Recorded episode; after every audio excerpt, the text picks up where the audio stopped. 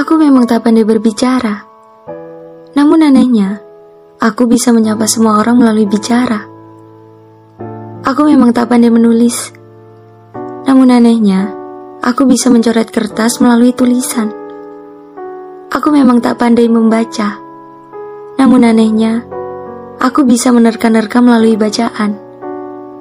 Aku memang tak pandai berkata. Namun anehnya, aku bisa mengungkapkan segala rasa melalui kata. Aku memang tak bisa hidup selamanya.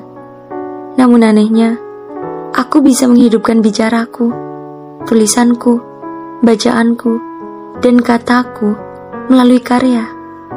Ya, aku memang akan mati karena terciptanya diriku tidak untuk kekal abadi. Karena yang kekal abadi hanyalah karya dari orang-orang yang sudah mati. Jadi satu yang selalu aku ingat, aku pasti akan mati, namun karyaku akan tetap abadi. Kenalin, aku Lutfiatul Hasanah. Selamat datang. Dengarkan saja apa pun yang ingin Anda dengarkan. Karena dengarkan saja, pasti akan bersama Anda di mana pun Anda berada. Dengarkan saja, walaupun sejenak.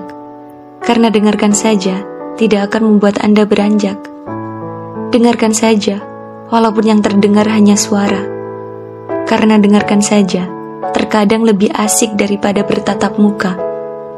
Ya, dengarkan saja sebuah konten yang aku buat dengan penuh rasa. Entah itu ada faedahnya ataupun tidak.